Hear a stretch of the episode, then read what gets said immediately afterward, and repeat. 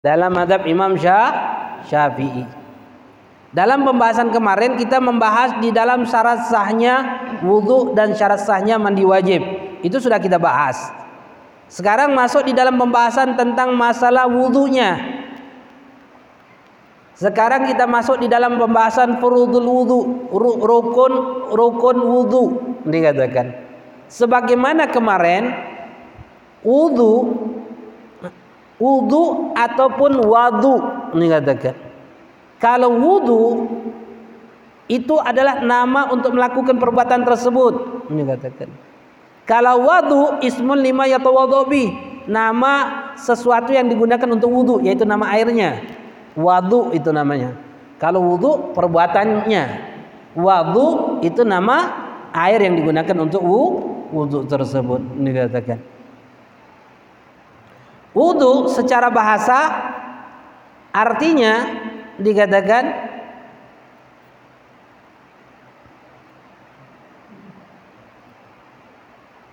diambil dari kalimat wada'ah yang artinya hasan, bagus, baik. Itu kalimat wudhu. Secara hukum syariat wudhu itu apa? Mencuci ghusl a'dha maksusah biniatul maksusah ala wajil maksusah. Mencuci anggota yang dikhususkan dengan niat yang dikhususkan dengan arahan syariat yang dikhususkan dalam aturannya. Dikatakan. Itu wudhu menurut hukum syariat. Wudhu itu mencuci wajah, tangan, kepala, kaki. Pas mencuci wajah disertai niat dan harus ter tertib. Itu wudhu. Hikmahnya kenapa dengan anggota tersebut? Kata ulama ada riwayat mengatakan kenapa kita diperintahkan untuk mencuci wajah, tangan, kepala dan kaki? Kenapa anggota tersebut yang dikhususkan enggak yang lain? hikmahnya sebagaimana ada yang mengatakan anak Adam alaihissalam Nabi Allah Adam alaihissalam itu ketika memakan buah khuldi ini katakan beliau menghadap buah itu pohon tersebut dengan wajahnya. Ini katakan tawaju ila syajarati biwajhi. Kemudian apa? Watanawwala min habiyadi Nabi Allah Adam mengambil buah itu dengan menggunakan tangannya katakan Kemudian wakana wada'a yadu ala rasi dan setelah memegang buah tersebut ngambil beliau letakkan tangannya di atas kepala. Ini katakan. Kemudian Muhammad ilahi berijli. Kemudian dia berjalan dengan buah tersebut dengan kakinya. Maka Allah memerintahkan untuk mensucikan anggota-anggota yang digunakan tersebut. Yaitu apa? Wajah, tangan, kepala dan kaki. Itu hikmahnya kata ulama. Dikatakan. Ada lagi yang mengatakan selain daripada itu. Kemudian di dalam wudhu tersebut furudhu wudhu atau rukunnya wudhu sitatun ada enam. Dikatakan. Rukun daripada wudhu itu ada enam. Ada juga pendapat mengatakan tujuh. Air yang digunakan al-ma'u Air yang digunakan harus dapat bisa mensucikan. Heh, nanti kita bahas. Eh sudah kita bahas tentang masalah air itu sudah kita bahas. Hukum daripada suci dapat menyu, menyucikan. Kemudian yang pertama, rukun daripada wudhu itu adalah niat. Dikatakan. Ini penting sering Habib sampaikan. Niat ini di dalam bahasa artian menurut bahasa itu niat itu adalah niat bahasa Indonesia atau yang kita kenal dengan azam. Gesed keinginan tujuan maksud. Itu niat menurut bahasa. Dikatakan bukan menurut hukum syariat. Dikatakan tapi niat secara hukum syariat yang dikatakan oleh ulama hagigotun. Hakikat daripada niat apa? Gosdusye muktarinan bifi'lihi tujuan sesuatu yang harus dibarengi dengan perbuatan tujuan sesuatu yang dibarengi dengan perbuatan itu baru dikatakan niat jika tidak dibarengi dengan perbuatan maka bukan dikatakan niat tapi namanya azam, keinginan. Contoh, Habib besok niat mau ke unit 2 Margo Bakti. Pertanyaannya, niat bukan itu? Niat bukan? Bukan. Itu namanya apa? Azam. Kenapa? Karena tidak berbarengan dengan perbuatan. Contoh lagi, niat mandi wajib niatku mandi wajib lillahi ta'ala lalu siram niat bukan niat bukan bukan itu namanya azam Artinya mandi wajibnya sah nggak? Sah nggak? Enggak. Sedangkan yang diperintahkan harus niat, bukan azam. Niat wudhu, ngambil air, niat wudhu lillahi ta'ala, cuci wajah. Niat bukan? Niat bukan? Bukan, itu namanya apa? Azam, kan sah nggak wudhunya? Enggak sah. Kenapa? Karena harus berbarengan. Ketika kita ngambil air, pas cuci wajah, kita baru niat nawaitul wudhu lillahi ta'ala, baru dikatakan itu niat secara hukum syariat. Jadi kita bedakan antara niat dan azam. Tapi karena bahasa Indonesia, bahasa Indonesia niat itu niat, tapi yang dimasukkan niat itu secara azam. Niat kita duduk majlis taklim supaya bisa sembuh. Itu niat apa azam? Azam bahasanya, bukan nih, bukan niat. Paham? Jadi bedakan setiap ibadah yang di mana sering kita katakan, oh kalau mau sholat harus niat, kalau mau wudhu harus niat, kalau mau mandi harus niat. Yang dimasukkan niat itu niat atau azam? Niat menurut hukum syariat artinya harus berbarengan. Ingat, hakikat niat apa niat itu? Gosdu syekh muktarinan befili. Tujuan sesuatu, niat sesuatu, maksud sesuatu yang harus dibarengi dengan perbuatan. Niatku sholat fardu maghrib. Niatku wudhu. Niatku mandi wajib. Itu niat. Tapi perbuatannya mana? Harus berbarengan. Kapan? Ketika air menyentuh badan, baru kita niat. Niatku wudhu, niatku mandi wajib lillahi ta'ala. Pas air menyentuh wajah, baru kita niat nawaitul wudhu lillahi ta'ala. Niat wudhu. Pas takbiratul ihram, Allahu Akbar dari Hamzah Allah sampai Ra Akbar, di situlah tempat niat. Mulut kita mengucapkan lafaz Allahu Akbar, hati kita menghadirkan ni niat. Paham dengan? Kemudian hukum di dalam masalah niat ada haqiqatun, hukmun, mahalun, zaman, kaifiyatun, sartun, maksudun, hasan. Hukum-hukum di dalam masalah niat. Ingat, pertama hakikat niat yaitu perbuatan yang dibarengi niat sesuatu yang dibarengi dengan perbuatan. Haqiqatun, hukmun, hukumnya niat. Ini ahkam niat yang kita bahas. Apa hukumnya niat? Apa hukumnya niat? Wajib goliban umumnya. Artinya tidak niat tidak sah ibadah yang kita lakukan. Ibadah yang mana? Ibadah yang membutuhkan niat. Contoh ibadah yang membutuhkan niat apa? Wudhu, mandi wajib, sholat, haji, zakat, membayar fidyah.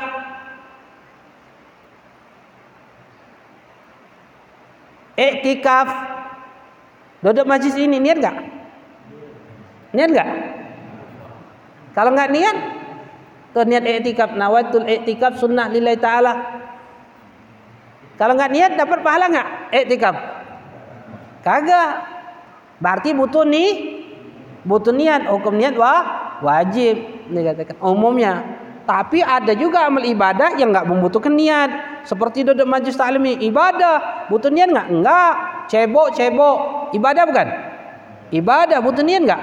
Enggak. Ini katakan. Enggak butuh nih. Mandikan mayit, mandikan mayit. Apa hukumnya? Wajib. Butuh niat enggak? Butuh niat enggak? Enggak. Mau mayit apa hukumnya? Sunnah. Butuh niat enggak? Butuh niat. Makanya kata ulama ada perbuatan yang wajib niatnya sunnah. Perbuatan sunnah niatnya wajib. Apa contohnya? Memandikan mayit dan mewudhui mayit. Memandikan mayit apa hukumnya? Wajib niatnya sunnah. Mewudhui mayit sunnah niatnya wajib dikatakan. Paham? Jadi hukum niat apalah hukumnya? Wajib pada umumnya. Mahalun tempatnya niat di mana? Yang ketiga sekarang.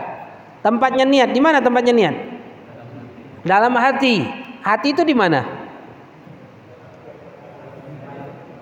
Sakitnya tuh di sini. Hati itu di mana? Hati. Nggak ada lagi dokter. Hati itu di sini nih. Eh. Di bawah jantung nih, sini hati nih. Di bawah nih. Ini letak hati. Ini letak hati. Makanya di antara sunnah kalau kita sholat, maka ulama mengatakan apa? Letakkan tangan kita itu agak miring sedikit ke bawah supaya berdekatan dengan hati. Ya, seakan-akan kita ketakutan akan hilangnya keimanan yang adanya letaknya di hati. Ya. Ya, Sebagian mengatakan sunnahnya seperti itu. Hati itu letaknya di mana? Hah? Kenapa suka bilang di sini? Karena kita didoktrin hati itu di sini. Dikatakan. Akal pikiran di mana? Pikiran kita di mana? Di sini. Karena kita didoktrin pikiran kita di sini. Kalau buntu, yang susah mana? Yang sakit di mana? Hah? Bu, kalau lagi sakit hati suaminya nikah lagi. Yang sakit di mana? Di mana? Sini. Uh, sakit Memang sakit di sininya? Enggak. Di mana? Di tubuhnya. Di mana? Wallahu a'lam. Gak paham. Tapi kata ulama, hati itu letaknya di sini, tapi menyambung urat saraf ke otak. Ini katakan. Sinyal-sinyal itulah yang diletakkan dikatakan ha, hati perasaan kita orang. Nah niat itu di dalam hati, anggap saja di sini. Ini katakan. Jadi ketika kita mengucapkan ketika kita mengucapkan kalimat subh apa ketika kita mengucapkan kalimat uh, takbir maka lafadzkan takbir itu hati kita menghadirkan niat. Allahu akbar. Dari Hamzah Allah sampai Ra akbar. Dari Hamzah Allah sampai Ra akbar. Itulah tempat ni niat. Ini katakan Niatnya di mana? Pas lafaz Allahu Akbar, hati kita menghadirkan niat. Usalli fardhu maghribi. Makanya melafatkan niat itu apa hukumnya? Sunnah. Lafazkan dulu usalli fardhu maghribi. Allahu Akbar. Pas takbir Allahu Akbar, maka apa yang sudah dilafatkan lintaskan saja di dalam pikiran kita. Allahu Akbar. itu yang dikatakan ni niat. Yang keempat,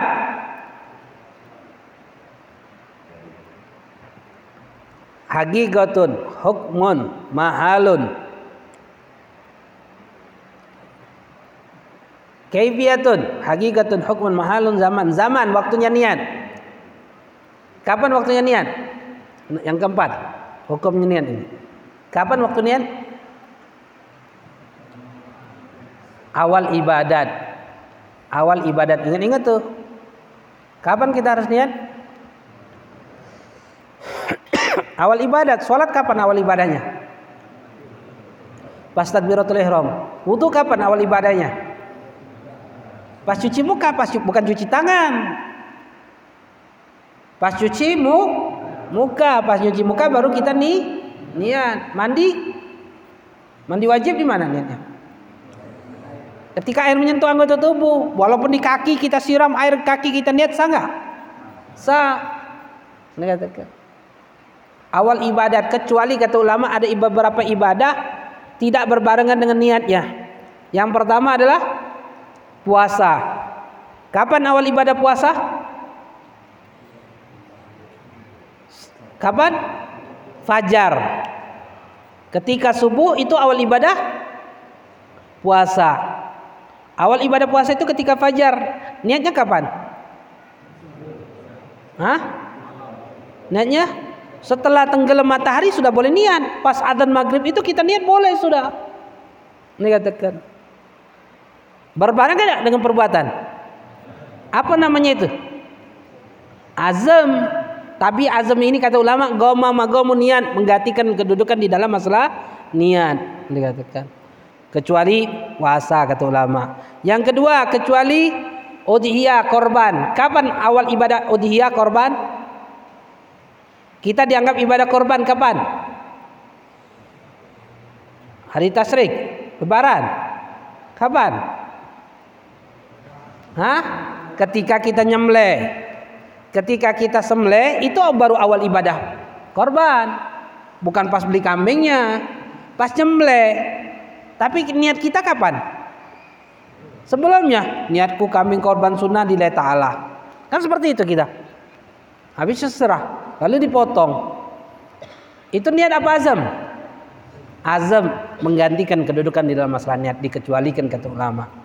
Boleh. Mengatakan. Jadi pas potong butuh niat lagi nggak? Nggak perlu. Perlu, perlu tahu nggak orang yang motong itu punya siapa kambingnya, sapinya? Nggak perlu tahu. Mengatakan. Yang ketiga zakat pengecualian ini. Kapan awal ibadah zakat? Hah? Awal Ramadan. Kapan awal ibadah zakat? Ketika kita berikan mustahik. Ketika kita berikan zakat kita kepada mustahik yang berhak menerima zakat, baru dikatakan ibadah zakat. Kalau kita berikan kepada mustahik bukan mustahik zakat bukan? Bukan. Diberikan kepada panitia masjid atas nama zakat. Zakat bukan? Bukan. Dikatakan. Ah, bu, bukan. Dikatakan. Kapan zakat itu? Ketika diberikan kepada yang berhak menerima zakat. Habib kami suka berikan ke panitia masjid dulu. Niatku zakat untuk mengeluarkan zakat fitrah atau zakat mal diberikan kepada panitia masjid. Nanti panitia menyerahkan. Itu bagaimana? Niatnya kapan? Duluan. Tahu lama dikecualikan ini hukum. Azam tapi menggantikan kedudukan dalam niat. Artinya boleh kita niatin dulu niatku ini zakat zakat fitrah, zakat mal yang diwajibkan oleh Allah kepadaku lillahi taala. Serahkan kepada amil, serahkan kepada siapa pun. Eh, nanti orang itu yang akan menyerahkan kepada mustah mustahik. Orang yang berhak menerima zakat. Itulah kata ulama permasalahan. Selain itu, niatnya harus di awal ibadah awal ibadat. Itu yang keempat. Hakikatun hukmun mahalun zaman kaifiyatun. Caranya niat hukum yang kelima. Caranya niat berbeda-beda dengan apa yang diniatkan wudhu beda niatnya mandi wajib beda niatnya. Dikatakan itu lima. Yang keenam kaifiyatun eh, syartun. Yang ketujuh. Yang keenam. Gimana? Kaifiat caranya kan yang kelima hukum caranya niat itu berbeda-beda dengan apa yang diniatkan. Yang keenam syartun. Syaratnya niat. Ingat syaratnya niat. Islam. Orang kafir sangat niatnya. Enggak. Yang kedua balik eh anak-anak sangat niatnya enggak yang ketiga berakal orang gila niat sangat sholatnya enggak yang keempat dikatakan ilmu bin wanwi mengetahui apa yang diniatin kalau mau sholat ya tahu dulu sholat Jangan niat usolli fardhu maghribi tapi nggak tahu sholatnya. Dia harus paham dulu. Baru bisa melakukan amal yang dia lakukan. Ilmu bin manwi. Paham? Kemudian yang kelima, yang terakhir, niatnya ada mutaklik. Tidak boleh menggantungkan niat itu dengan sesuatu. Contoh, nawaitul wudu insyaallah taala. Sangat wudunya? Enggak, apa arti insyaallah? Apa arti insyaallah? Kalau Allah berkehendak kalau masya Allah, masya Allah apa artinya? Segala sesuatu kehendak Allah. Masya Allah, segala sesuatu kehendak Allah. Paham? Artinya duduk kita ini adalah Masya Pertemuan malam ini adalah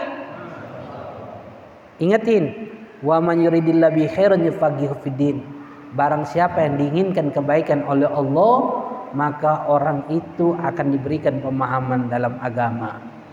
Artinya saat ini kita dapat pemahaman agama, artinya Allah berkehendak kebaikan kepada kita. Dan mudah-mudahan sampai ajal eh, datang kepada kita keinginan tersebut. Amin ya rabbal alamin. Lalu yang ketujuh terakhir hukumnya niat. Maksudun tujuan niat kenapa kita harus niat ada dua. Yang pertama tujuan kenapa kita harus niat yang pertama tamyizul ada anil ibadah membedakan kebiasaan dengan ibadah. Contoh Pak Bu duduk masjid biasa anda? Biasa nggak kita? Biasa. Apa yang membedakan orang yang iktikaf dengan orang yang duduk masjid? Niat. Kalau duduk saja di masjid dapat pahala enggak? Enggak. Tapi ketika niat itu beda. Makanya membedakan antara kebiasaan dengan ibadah. Ibadat itu niat. Contoh lagi, Pak, Bu, setiap hari mandi enggak? Setiap hari mandi wajib enggak? Enggak. Apa yang membedakan antara mandi wajib dan mandi biasa? Niat.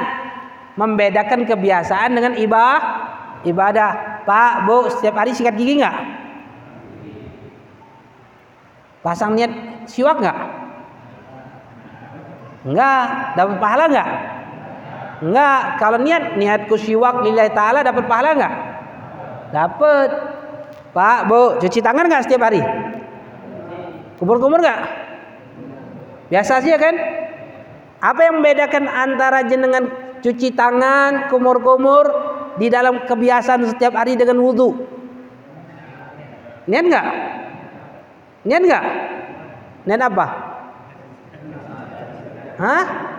Niat sunnah wudhu? Pas cuci tangan makanya dalam wudhu ada dua kali niat. Pas pertama niat niatku melakukan sunnah wudhu lillahi ta'ala. Kumur-kumur masukkan air ke hidung supaya dapat pahala.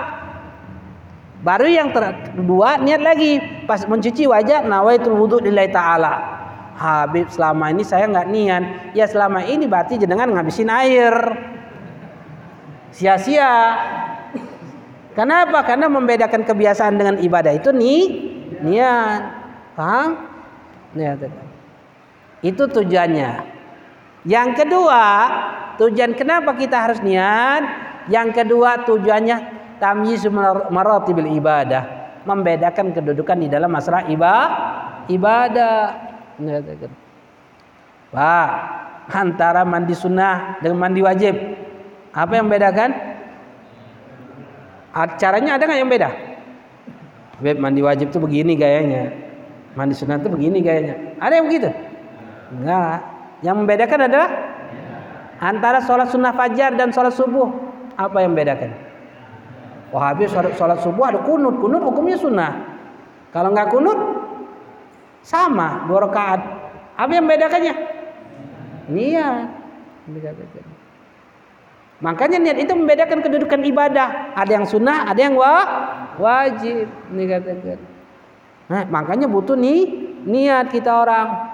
Habib saya mau mengeluarkan zakat, saya kasih saya nggak kasih niat. Zakat kan itu? Bukan, Habib saya membayar kafarat, saya kasih saja beras, nggak saya pakai pasang niat. Kafarat bukan itu? Bukan, sedekah itu. Mengatakan, kafaratnya sudah belum? Belum, pakai ngomong lagi. Allah Maha tahu juga Habib. Allah jelas Maha tahu, tapi Allah perintahkan engkau untuk mengikuti sesuai standar syariat yang dibawakan oleh Nabi. Dikatakan, Jangan alasan Allah Maha tahu kau tinggalkan perintah syariat tersebut. Ini katakan. Paham? Insya Allah paham ya. Itu hukum di dalam masalah niat ada tujuh. Ingat-ingat itu hukum niat. Jadi dihafal-hafal. Kalau paham ini, ini niat menyakup seluruh hukum ibadah yang membutuhkan ni, niat. Nah di dalam wudhu, di dalam wudhu, watakun niat indah ghusli awanjus minal wajah Adapun niat itu ketika mencuci bagian daripada wajah. Ketika kita mencuci bagian daripada wajah, maka di situlah tempat ni niat. Ini kata. Ambil air. Nawaitul wudhu lillahi ta'ala. Cukup. Beb yang sini belum kena, sempurnakan saja. Butuh niat lagi enggak? Enggak. Kenapa? Karena sudah ada bagian daripada wajah sudah disertai ni niat. Sisanya disempurnakan dengan apa membasuhmu muka seperti itu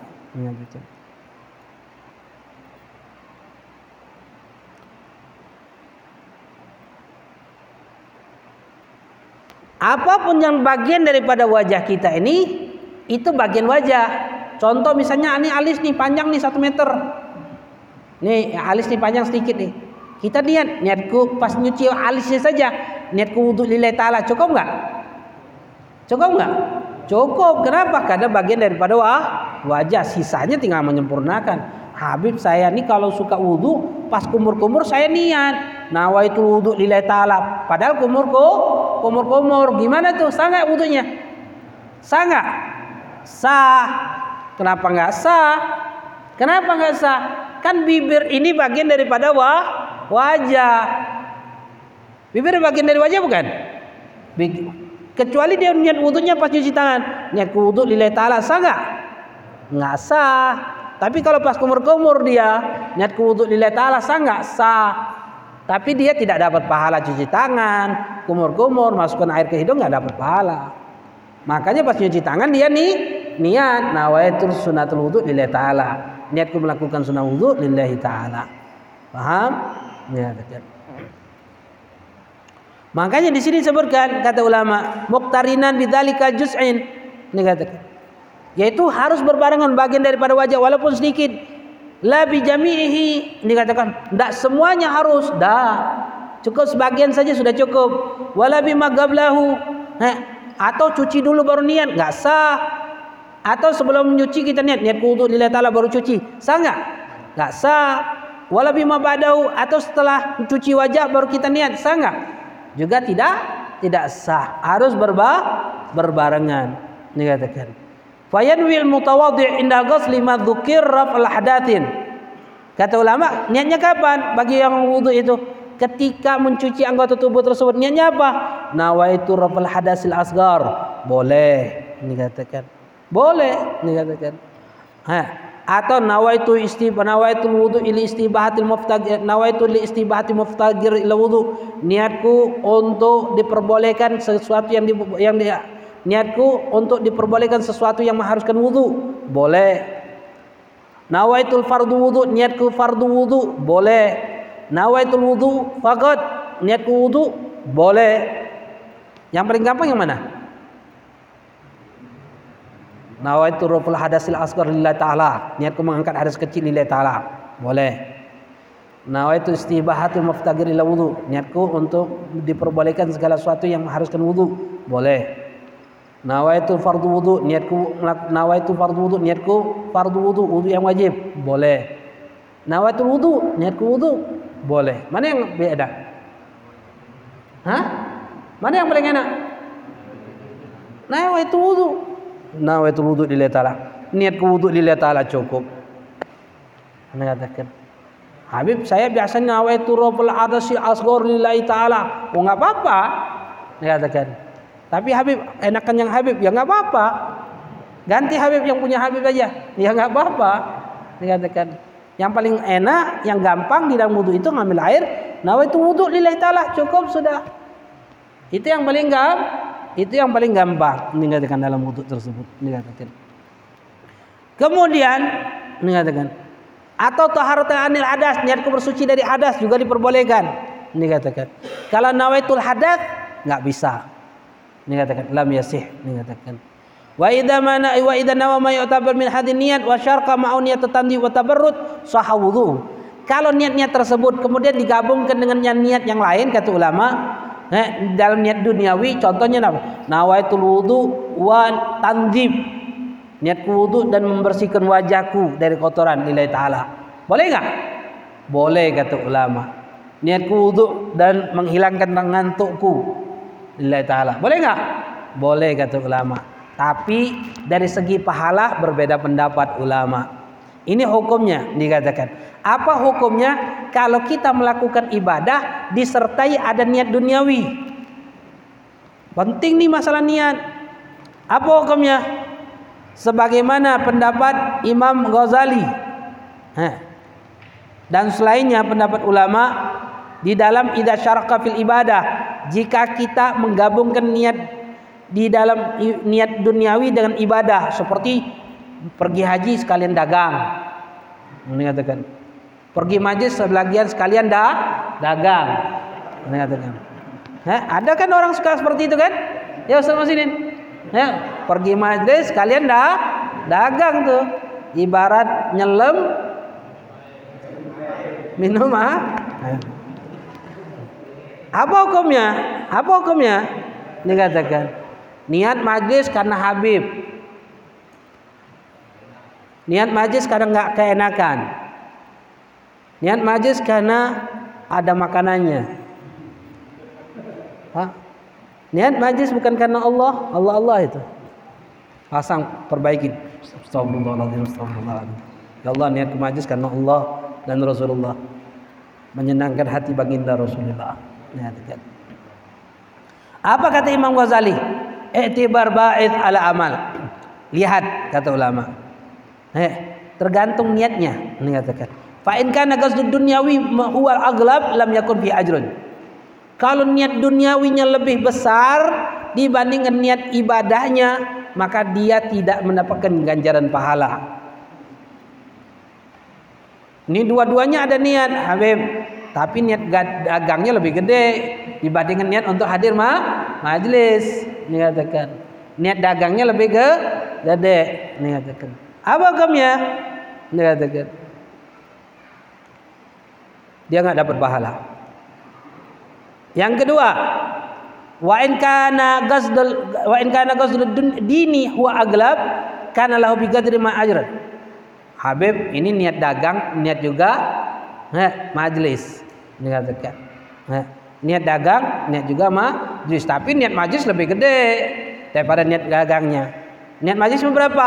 Niat majlisnya 70%, dagangnya 30%. Ini katakan maka dia dapat pahala. Pahala ukuran 70% saja. Sisanya nggak dapat ber dapat pahala.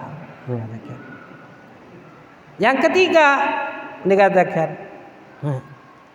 wa in kana tasawwaya tasawwaya jika seandainya sama Habib niat niat majlis sama dagangnya bareng. Nah, niat majlis memang pengen ngaji karena Allah juga ada niat karena Habibnya.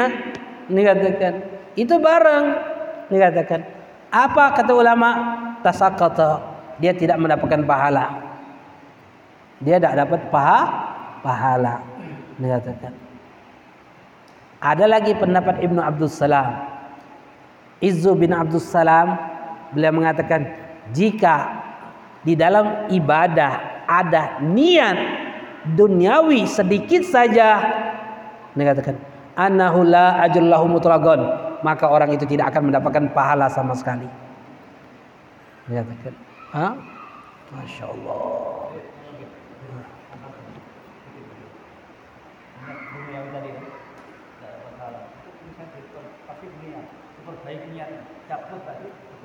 Iya, makanya kita harus memperbaiki niat supaya dapat ganjaran paha, pahala. Ini katakan. Kalau Ustadz Muhsin ini ngomong sama Habib beliau ini, Habib saya niatnya nggak ngaji itu sambilan saja, eh, ada niat, cuman bawa saja, ngikutin pendahulu. Pendahulu tuh pedagang-pedagang dulu menyebarkan syariat Islam itu sambil dagang. Apa tujuan mereka dagang? Bukan tujuan mereka adalah menyebarkan syariat is itu Ustadz Muhsinin. Ini katakan. Nah itu ketika beliau ngomong seperti itu, biar jenengan paham. Artinya dapat pahalanya full nggak? Full. Nah. Iya. Iya, Habib kan bilang bawa saja dagangan, ini katakan. Tapi tetap kita tujuannya adalah ma majlis. Tujuan kita majlis. Ada dagangan nggak ada dagang majlis tetap nggak? Nggak ada dagangan libur juga majlisnya. Enggak, tujuan kita bukan dagangan. Tujuan kita adalah ma majlis. Kenapa salaf pendahulu kita seperti itu dulu? Menyebarkan syariat Islam tujuannya adalah sambil berdagang. Tapi dagang itu bukan tujuan mereka untuk di dalam menghasilkan harta duniawi bukan. Tapi justru dagang itu tujuan mereka untuk menyebarkan syariat Islam. Kenapa? Karena tujuan utama mereka adalah menyebarkan syariat Islam. Semua yang dijual perlu dipahami. Minyak wangi bagian daripada syariat. Kita bagian daripada syariat. Dikatakan baju koko bagian daripada syariat. Semuanya dikatakan nggak jual semen, nggak jual pasir, enggak. Semuanya adalah bagian daripada syariat. Tuh ingat-ingat.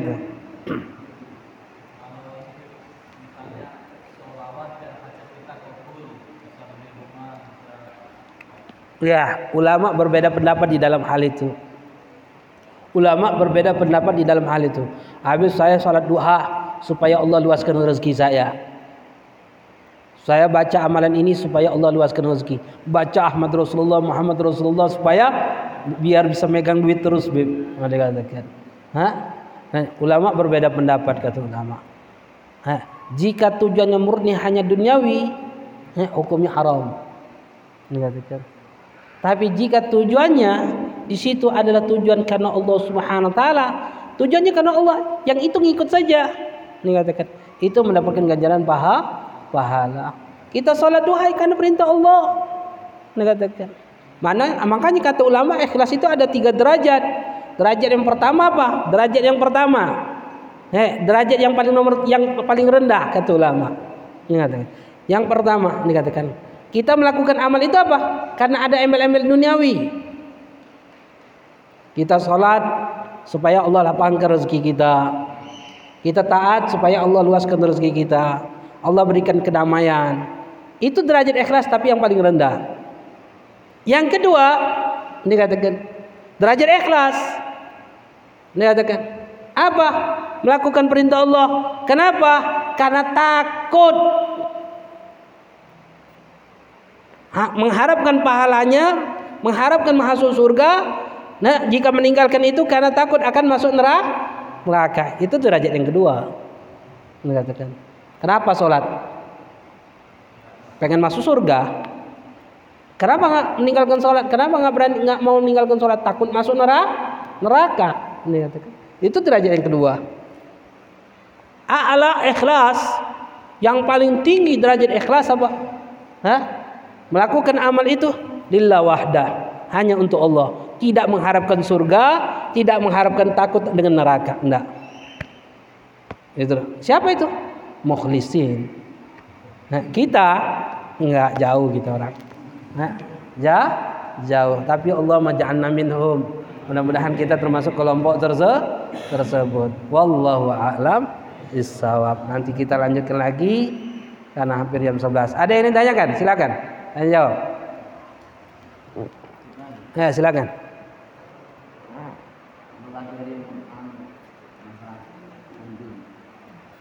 apabila ada seorang yang sudah luar negeri ya, itu mau menikah itu wanita nah, itu wali ya, atau yang mewakili apabila kita nah, telepon orang sana saudara untuk mewakili laki wali bagaimana hukum untuk wali nikah itu harus tertib nggak boleh asal-asalan kalau wali nikah itu yang pertama adalah bapaknya, ada bapaknya, bapaknya. Enggak boleh saudaranya. Walaupun janda Habib saya, walaupun janda. Pernah kejadian ini dia ngomong, Habib saya ini ada masalah sama suami saya. Saya ini istri kedua. Nah dia katakan, masalahnya apa? kata Habib? Dia katakan, orang tua saya nggak setuju. Oh iya sabar saja. Habib bilang, Iya Habib ini terus sudah lama-lama lama-lama cerita sudah. Habib nasihat terus lama setiap dia nanya Habib jawab Habib nanya. Lalu Habib pikir kenapa orang tuamu nggak setuju? Kan dia yang menikahin. Bukan dia Habib. Orang tua saya nggak tahu ketika saya nikah. Habib bilang terus yang menikahin kamu siapa? Kakak saya. Astagfirullah orang tua nggak tahu nggak tahu nggak boleh itu orang tuamu wali dari nikahmu ini katakan. Nggak boleh. Itu walinya masih ada. Kan saya janda, boleh bebas milih wali. Enggak bebas milih milih, milih wali. Tetap walinya tertib adalah bah, bapaknya bukan saudaranya. Ini katakan janda itu nggak bisa dinikahi secara paksa. Arti paksa beda wali mujbir. Wali mujbir itu kita punya anak perempuan nih misalnya. Heh, nih ketika kita punya anak perempuan, anak perempuan kita nggak tahu apa-apa, terus dinikahin, misalnya jenengan punya anak perempuan, jenengan ngomong sama Habib, Habib saya nikahkan anak saya dengan Habib, saya terima nikahnya. Di hadapan dua orang, itu anak jenengan otomatis jadi anak Habib, jadi istri Habib. Habib, anak saya baru sebulan umurnya, walaupun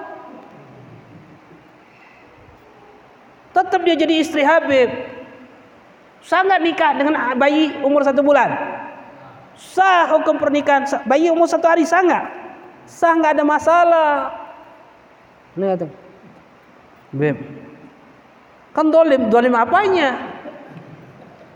Kan masih kecil, masih kecil pikiranmu ke mana? Itu nikahnya sah. Walaupun dinikahin nenek-nenek, nggak bisa dijimain, lalu dijimain, haram hukumnya. Masalah hubungan badan itu beda, tapi masalah hukum nikahnya sah hukum nikahnya. Berapa banyak mereka salafus solihin itu ketika mereka ingin mencari kerabat, mereka nikahkan anak-anak perempuan mereka dengan kerabat tersebut dengan orang-orang soleh tersebut. Tujuannya apa? Hanya mengharapkan kerabat supaya dia jadi mertuanya. Allah yarham Habib Hasan Syaciri Anak punya guru. Itu punya teman dekat bernama Habib Abdurrahman bin Syekh Alatos yang ada di Jakarta. Masyad. Termasuk sesepuh di Indonesia sekarang ini. Umurnya seratusan. Sesepuh sekarang ini. Abaid. Itu dekat sama Habib Hasan. Ini katakan. Dekat ini. Ini katakan. Dekat ini. Seumuran. Itu Habib Hasan. Habib Abdurrahman. Mertua Habib Hasan. Anak perempuannya dinikahin sama temannya. Kenapa? Karena ayah pengen berkerabat dengan Habib Hasan Syaziri. Masya Allah. Tahu Sayyidina Hasan bin Ali? Tahu Sayyidina Hasan bin Ali? Siapa? Cucu Rasulullah. Berapa banyak istrinya? Ayah berapa banyak istrinya? Dalam sejarah berapa banyak? Hah?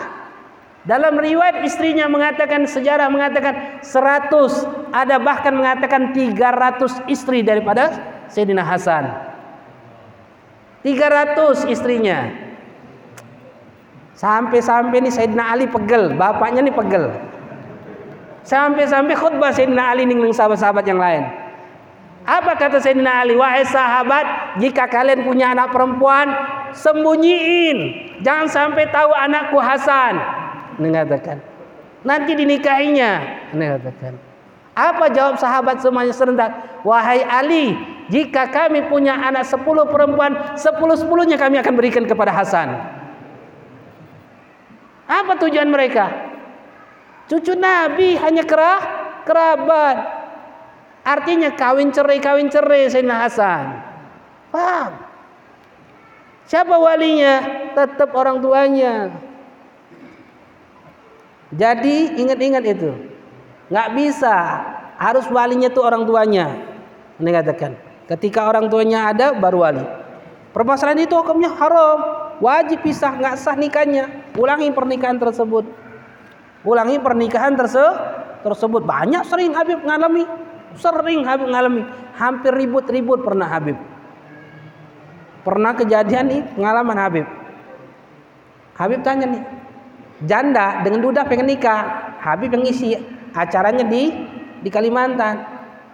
Nunggu walinya pamannya. Pamannya gondrong. Ternyata pamannya preman. Pakai jaket kulit pakai gelang bahar. Ingat Habib tuh kalung emas. Datang. Preman tatuan semua. Ternyata preman nih pamannya. Nunggu walinya. Dia mau jadi wali ini katakan. Menikahin keponakannya. Tiga janda nih tiga tiga tiganya. Dia nikahin semua. Sebelum janda ini pun sudah nikah dia juga nikahin. Setelah duduk di depan Habib Habib nanya siapa ini? Menyatakan oh pamannya Habib yang bakal jadi wali. Ini walinya. Paman gimana? Habib bilang. Oh pamannya. Sudah pas mau akad nih. Habib mikir lagi nanya lagi ini pamannya sebelah saudara bapaknya? Habib bilang Bukan Habib saudara ibunya. Ya Allah. Oh nggak boleh Habib bilang. Ini mau akad nikah. Tahan dulu, tahan dulu. Ini siapanya Habib bilang? Paman sebelah ibunya. Oh nggak bisa. Nggak berhak jadi wali. Siapa yang berhak jadi wali harusnya? Hah? Paman sebelah bapak. Ngamuk dia. God. Bilang saya ini Habib yang menikah ini, ninti dia janda nih saya juga yang menikahinya.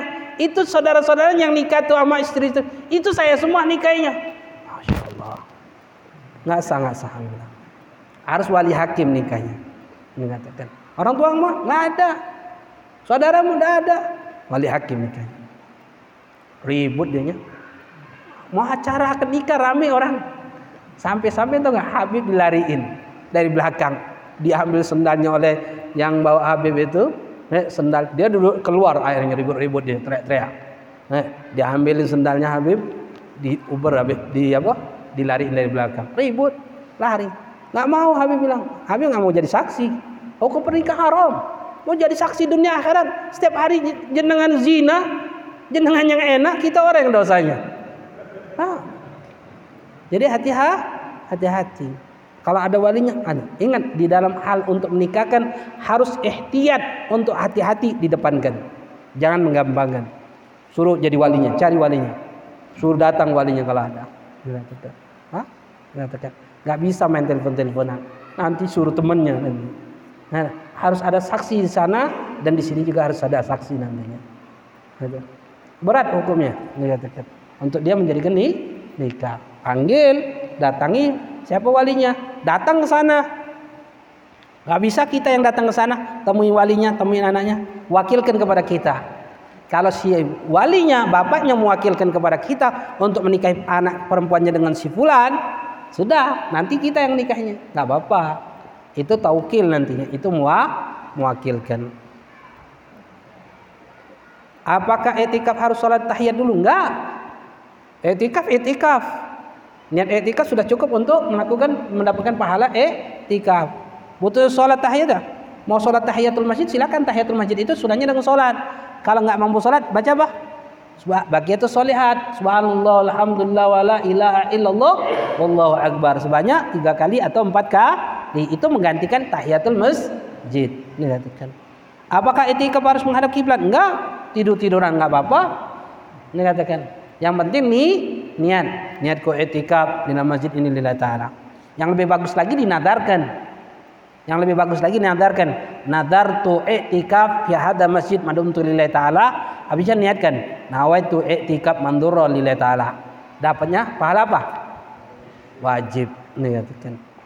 Bolehkah sholat sunnah dua rakaat dua? Bolehkah sholat sunnah dua dua niat sholat? Boleh.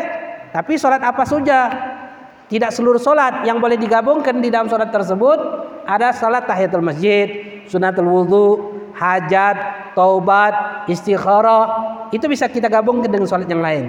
Contoh, misalnya solat duha. Nawait usalli fardhu duha wa hajat wa istikharah wa taubat wa tahiyatul wajid wa tahiyatul masjid wa sunatul wudhu rakaatain lillahi taala. Allahu akbar.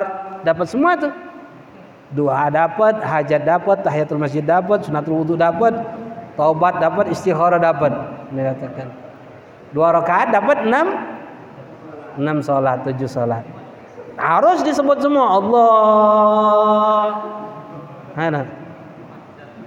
Paham? Hanya sholat-sholat itu. Habib boleh nggak sholat duha gabung dengan kodok? Nggak boleh. Yang lain nggak bisa digabungkan. Hanya sholat-sholat itu saja yang bisa digabungkan. Ada lagi yang ditanyakan? Silakan. Ya.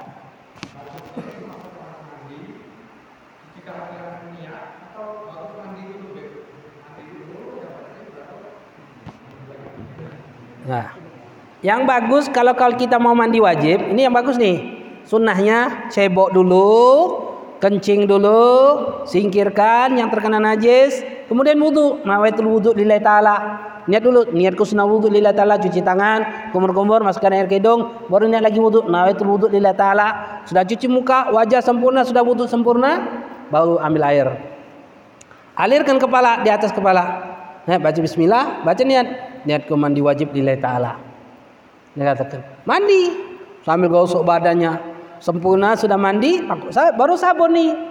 Ini katakan eh bagusnya kepala tiga kali depan kanan tiga kali belakang tiga kali uh, depan kiri tiga kali belakang tiga k tiga kali. Yang lebih enak pakai shower. Kalau sudah pakai shower tinggal kepala badan belakang depan belakang kiri. Dikatakan itu yang paling ba bagusnya untuk ada lagi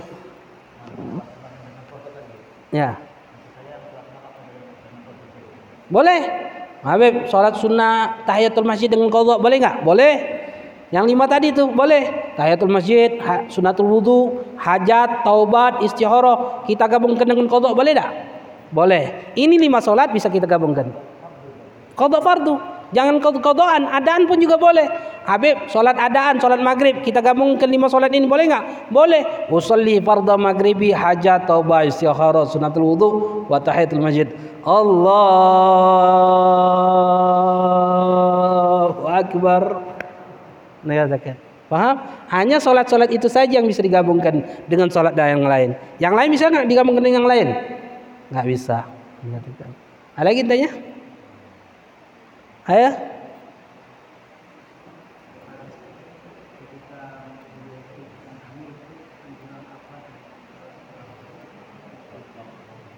Perempuan hamil. Perempuan hamil ketika dia hamil amal yang paling dianjurkan adalah dia memperbanyak solawat, memperbanyak amal baik. Kenapa? Karena tabiat anak itu akan terbentuk dengan perilaku ibunya ketika masa hamilnya. Makanya salaf sebagian menganjurkan apa? Ketika perempuan itu hamil dia mampu baca Quran, niatkan khatamkan Quran berapa kali khataman? Nah, tiga kali khataman misalnya, atau empat kali khataman, atau lima kali khataman Al-Quran niatkan. Nah, untuk membaca Al-Quran tersebut. Tujuannya apa? Untuk menjaga anak ini menjadi anak soleh atau soleha. Nah, baca juga ya hafid, ya hafid, ya hafid sebanyak 40 kali di antaranya. Itu di antara uh, amalan-amalan untuk mereka yang uh, lagi hamil mengatakan. Bagusnya perempuan yang hamil biar anaknya zakat, pintar, cerdas. Nah, untuk anak-anak juga itu tahu luban, luban dakar, tahu luban dakar. Tidak tahu jenengan. Luban dakar itu kayak getah Arab itu. Namanya luban dakar, getah Arab. Dikatakan. Di sini nggak ada, beli di Palembang ada. Ada. Hah? Kemenyan Arab. Ya. Eh, luban dakar namanya, kemenyan itu. Ada. Itu getah, getah kayu itu nanti dimasukin di air. Eh, malam masukin pagi minum. Malam dikasih masukin pagi mie minum. Itu bikin daka, bikin cerdas eh bayinya nantinya bikin pin pinter ada lagi yang tanya tidak ada wallahu alam bisa mudah-mudahan Allah berikan keberkahan dalam majlis kita nambahkan ilmu kita yang hadir mudah-mudahan Allah kabulkan setiap ajat-ajatnya. Yang sakit disembuhkan oleh Allah. Yang sempit diluaskan rezekinya dan mudah-mudahan tidak keluar dari majlis ini. Mudah-mudahan Allah ampuni dosa kita dosa orang tua kita dosa guru-guru kita meluaskan rezeki kita mengabulkan hajat-hajat kita memanjangkan umur kita dalam ta'awal afiyah selama dan juga kita mintakan kepada Allah untuk kita untuk orang yang kita cintai orang yang mencintai kita atau orang yang tidak senang kepada kita atau orang-orang yang pernah berbuat baik dalam hidup kita atau orang yang pernah kita dolimi atau yang mendolimi kita dari kaum muslim musliman kita mintakan kepada Allah mudah-mudahan Allah ampuni dosa kita dan dosa mereka. Lalu Allah matikan kita dan mereka dalam keadaan husnul khatimah يا الله بها يا الله بها يا الله بحسن الخاتمة قال رسول الله صلى الله عليه وسلم بسم الله الرحمن الرحيم. الحمد لله رب العالمين.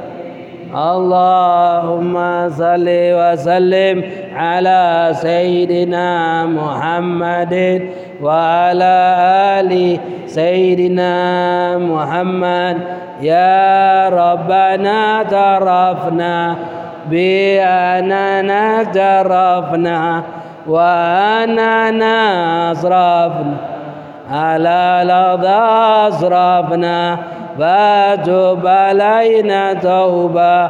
تغسل لكل عوبة واستر لنا العورات وآمن الرآت اغفر لوالدينا ربي ومولودينا والآل والإخوان وسائر خلاني وكل ذي محبة أو جرة أو صحبة والمسلمين أجمع.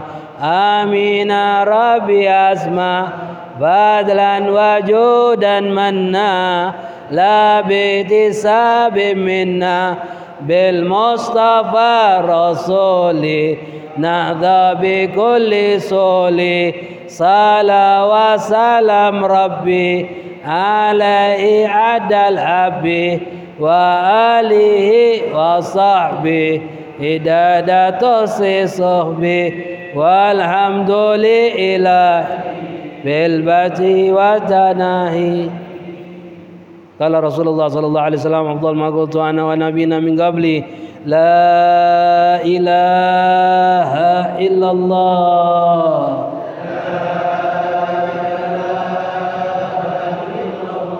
لا إله إلا الله.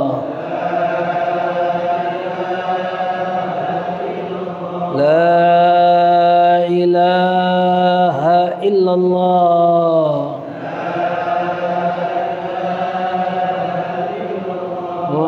محمد رسول الله. صلى الله عليه وسلم محمد صلى الله عليه وسلم. كلمة حق نحيا وعليها يحلمون وعليها نبعث إن شاء الله تعالى من العالمين يا رب العالمين ربنا تقبل منا إنك أنت السميع العليم توب رحيم صلى الله عليه وسلم الحمد لله رب العالمين